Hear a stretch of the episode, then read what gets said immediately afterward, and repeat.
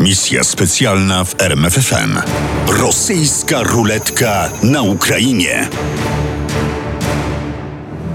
Nocą z 22 na 23 lutego 2014 roku długo nie gasły światła w gabinecie prezydenta Federacji Rosyjskiej Władimira Władimirowicza Putina. Prezydent zaprosił do siebie na naradę tylko zaufanych ludzi. Wśród gości znaleźli się Generał Igor Siergun, szef wywiadu wojskowego GRU, oraz generał Aleksandr Bortnikow, szef wywiadu cywilnego FSB. Spotkanie otworzył prezydent. Musimy zacząć pracować nad powrotem Krymu do Rosji. Rozmawiali całą noc, do siódmej nad ranem.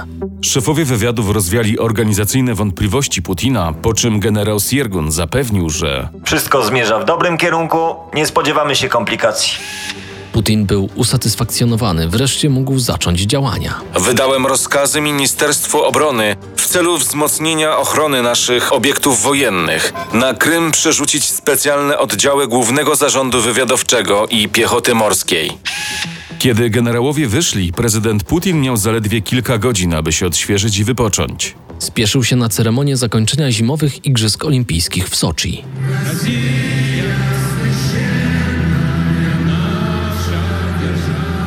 Trzy dni później, nad ranem 26 lutego, do portu w Sewastopolu przypłynęły okręty rosyjskiej floty czarnomorskiej z żołnierzami na pokładzie.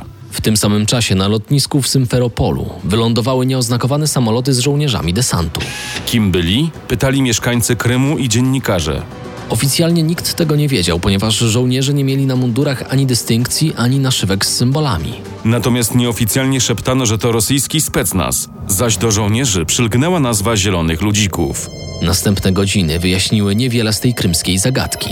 Jedynie propaganda Kremla poinformowała, że żołnierze reprezentują siły samoobrony rosyjskojęzycznych obywateli Krymu. Następnego dnia zielone ludziki bez jednego wystrzału zajęły parlament i siedzibę rządu autonomii krymskiej w Symferopolu, Oraz lotnisko, gdzie rozbrojono ukraińską brygadę piechoty morskiej. a wszystko przy bezczynności Służby Bezpieczeństwa Ukrainy. Dlaczego SBU nie zrobiła nic, by obronić Krym?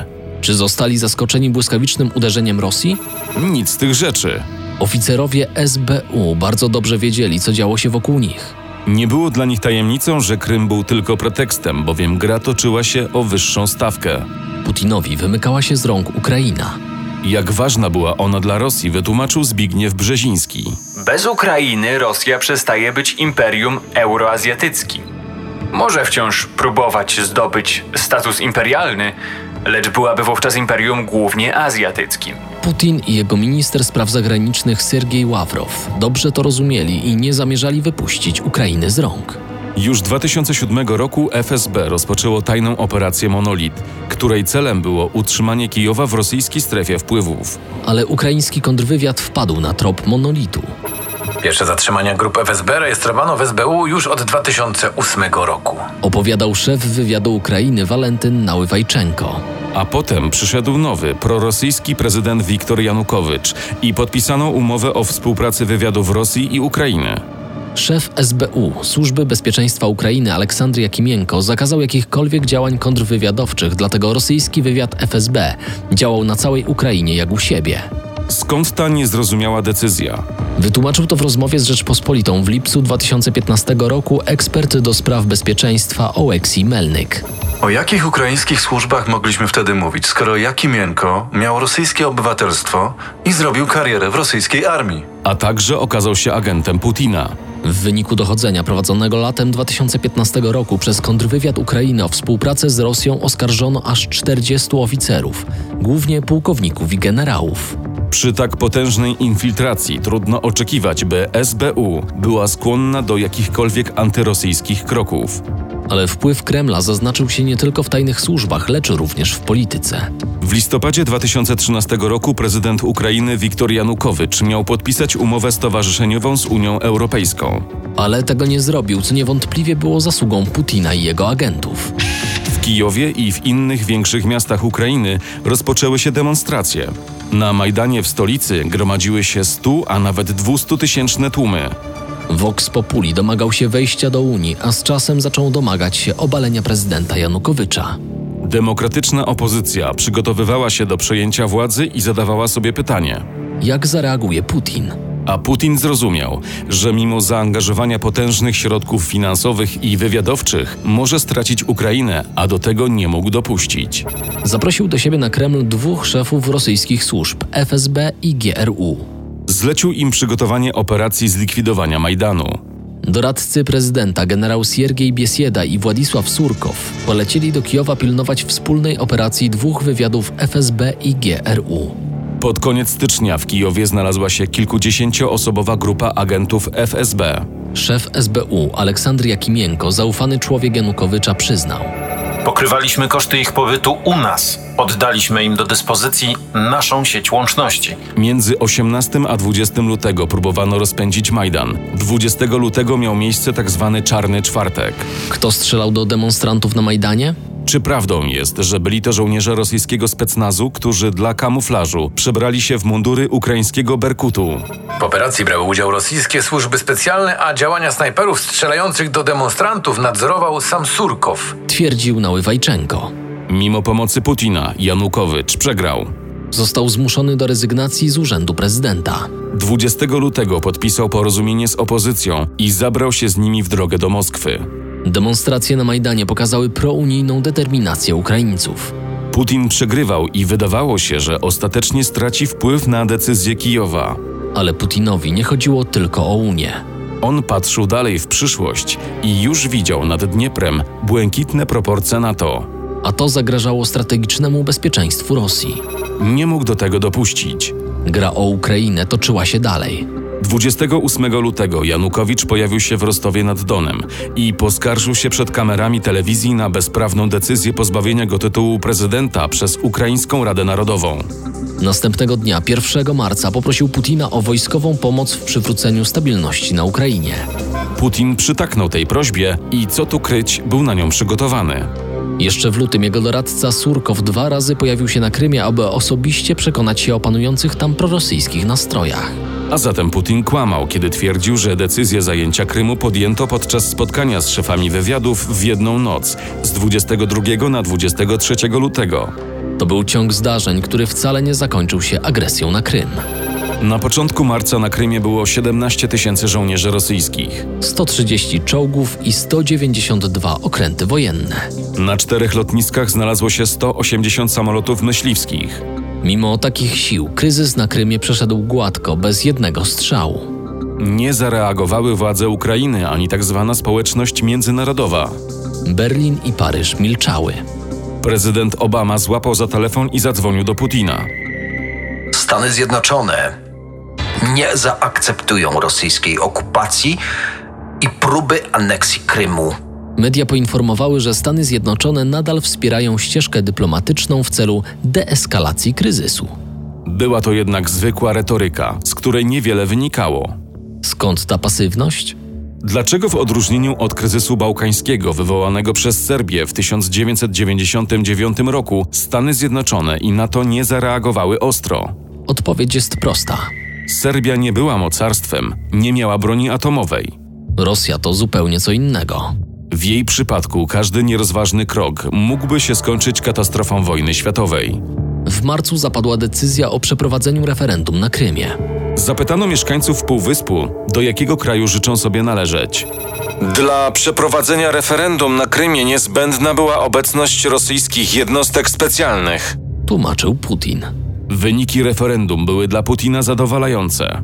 Za zgodą społeczeństwa i miejscowego parlamentu Krym po 60 latach wracał do Rosji. I cały świat myślał, że to koniec. Ale to nie był koniec. Putin nadal wprowadzał zamęt na Ukrainie. Krym przesłonił opinii międzynarodowej Donbas. A tam już od marca nasiliły się demonstracje prorosyjskie, czyli tak zwana ruska wiosna. A ponieważ poparcie dla nowej władzy w Kijowie było tu znikome, SBU i policja niemal ostentacyjnie przeszła na stronę Rosji. Przez granicę przemykało się coraz więcej żołnierzy specnazu i szpiegów z GRU i FSB. Mieli konkretne zadania. Rozpoznanie, dywersja i szkolenie miejscowych jednostek. Chaos w obwodach donieckim, ługańskim i charkowskim narastał z każdym tygodniem. W kwietniu w miastach i miasteczkach Donbasu pojawiły się grupy bojowe separatystów. W krótkim czasie zajęli strategiczne obiekty, mosty, drogi, fabryki, telewizję. Na stronę separatystów przychodzili komendanci policji i oficerowie służb specjalnych Ukrainy. Zwolennicy połączenia z Rosją rośli w siłę. Lecz Putin wcale nie zamierzał przyłączać nowych terenów do Rosji. Zadecydował inaczej. Na zajętych terenach powstały dwie samozwańcze republiki Doniecka i Ługańska. W maju przeprowadzono tam nielegalne referenda niepodległościowe, Wyniki, zdaniem separatystów, były rewelacyjne. ale po ich ogłoszeniu okazało się, że zachodnie rejony separatystycznych republik zajmują żołnierze ukraińscy. Zaczęła się wojna domowa. Ale ponieważ separatyści nie radzili sobie najlepiej z regularną armią Ukrainy, niezbędna była pomoc ze strony Moskwy. Najpierw przez granicę rosyjską artyleria ostrzeliwała Ukraińców. Na Ukrainę ruszyły konwoje ze sprzętem i amunicją. Wśród separatystów pojawili się rosyjscy oficerowie. Mieli dwa zadania: nauczać i dowodzić. Separatyści oczywiście temu zaprzeczali, twierdzili, że sprzęt, którym dysponowali, jest zdobyczny. Według Borysa Niemcowa separatyści mieli 83 czołgi, tyle samo bojowych wozów piechoty oraz 68 transporterów opancerzonych. Ukraińskie siły rządowe zatrzymały dotychczas dziesiątki rosyjskich żołnierzy walczących na wschodzie kraju w szeregach separatystów, co świadczy o bezpośrednim zaangażowaniu Rosji w konflikt w Donbasie. Powiedział nowy prezydent Ukrainy w wywiadzie dla BBC. W trzeciej dekadzie sierpnia 2014 roku małe oddziały rosyjskiej artylerii zaczęły przekraczać granice, o czym patrole razwiedki ukraińskiej armii poinformowały dowództwo w Kijowie. Według Naływajczenki była to Bezpośrednia inwazja Rosji na Ukrainę. Pod koniec sierpnia separatyści otworzyli front południowy. uderzyli na Mariupol i przeszli do kontrofensywy. Pod Iłowajskiem rozpoczęła się bitwa, największa tej wojny. Oficjalna informacja Kijowa mówiła nawet o tysiącu zabitych. Mimo, że separatystów wspierali Rosjanie, udało się zająć tylko dwa obwody Doniecki i Ługański. Rozejmy i porozumienia w Mińsku podpisane przez prezydentów Ukrainy, Rosji, Białorusi, Francji i Niemiec miały zapewnić pokój na Ukrainie. ale doprowadziły tylko do prawnego usankcjonowania politycznego bałaganu w Doniecku. Putin się tłumaczył. Chciałbym zapewnić, że Rosja nie była inicjatorem okoliczności, przed którymi stoimy. I w pewnym sensie miał rację. Gdyby nie ukraińskie aspiracje do NATO i Unii, do kryzysu by nie doszło. Fakt, że Ukraińcy mieli prawo decydować o swoim losie, nie interesował Putina. On realizował swoją politykę. Co w takim razie było celem Putina? Celem Rosji jest na wpół zniszczony Donbas, który pozostając częścią Ukrainy uniemożliwi jej wejście do struktur NATO. Twierdził związany z Putinem polityk Władimir Łukin. Nie ma wątpliwości, że Ukraina jest kąskiem, który Waszyngton chce wyrwać Moskwie. W tej grze Waszyngton miał dwóch sojuszników Unię Europejską i społeczeństwo Ukrainy. Rosja nigdy nie zgodzi się na wejście Ukrainy do Unii, a tym bardziej do NATO. A to zapowiada permanentny stan wojny na wschodzie. W pewnym momencie dojdzie do zamrożonego konfliktu, który jest bardzo korzystny dla Putina. Mówił w lutym 2016 roku Amerykanin Bob Corker z Senackiej Komisji Spraw Zagranicznych. Ponadto, kiedy wybuchła wojna w Syrii, pragmatyzm polityki międzynarodowej zmusił Waszyngton do stonowania antyrosyjskich komentarzy. W pewnym sensie Syria skłoniła nas do współpracy z Rosją. Zignorowaliśmy to, co dzieje się na Ukrainie. Mówił Ivo Dalder, ambasador USA przy NATO. Najprostszym sposobem zakończenia wojny domowej na Ukrainie jest oficjalna deklaracja państw członkowskich NATO, że nigdy nie zaproponują Ukrainie wejścia do sojuszu. Ale wtedy, powie ktoś, zostaną podeptane prawa narodów do decydowania o własnym losie. Nie pierwszy i zapewne nie ostatni raz. Polityka to gra wielkich, malutcy muszą się podporządkować. Jest jednak jeszcze druga kwestia, zapewne trudniejsza. Waszyngton będzie musiał przyznać się do klęski. Czy jest na to gotowy? Misja specjalna w RMFFM. Na tropie największych tajemnic historii.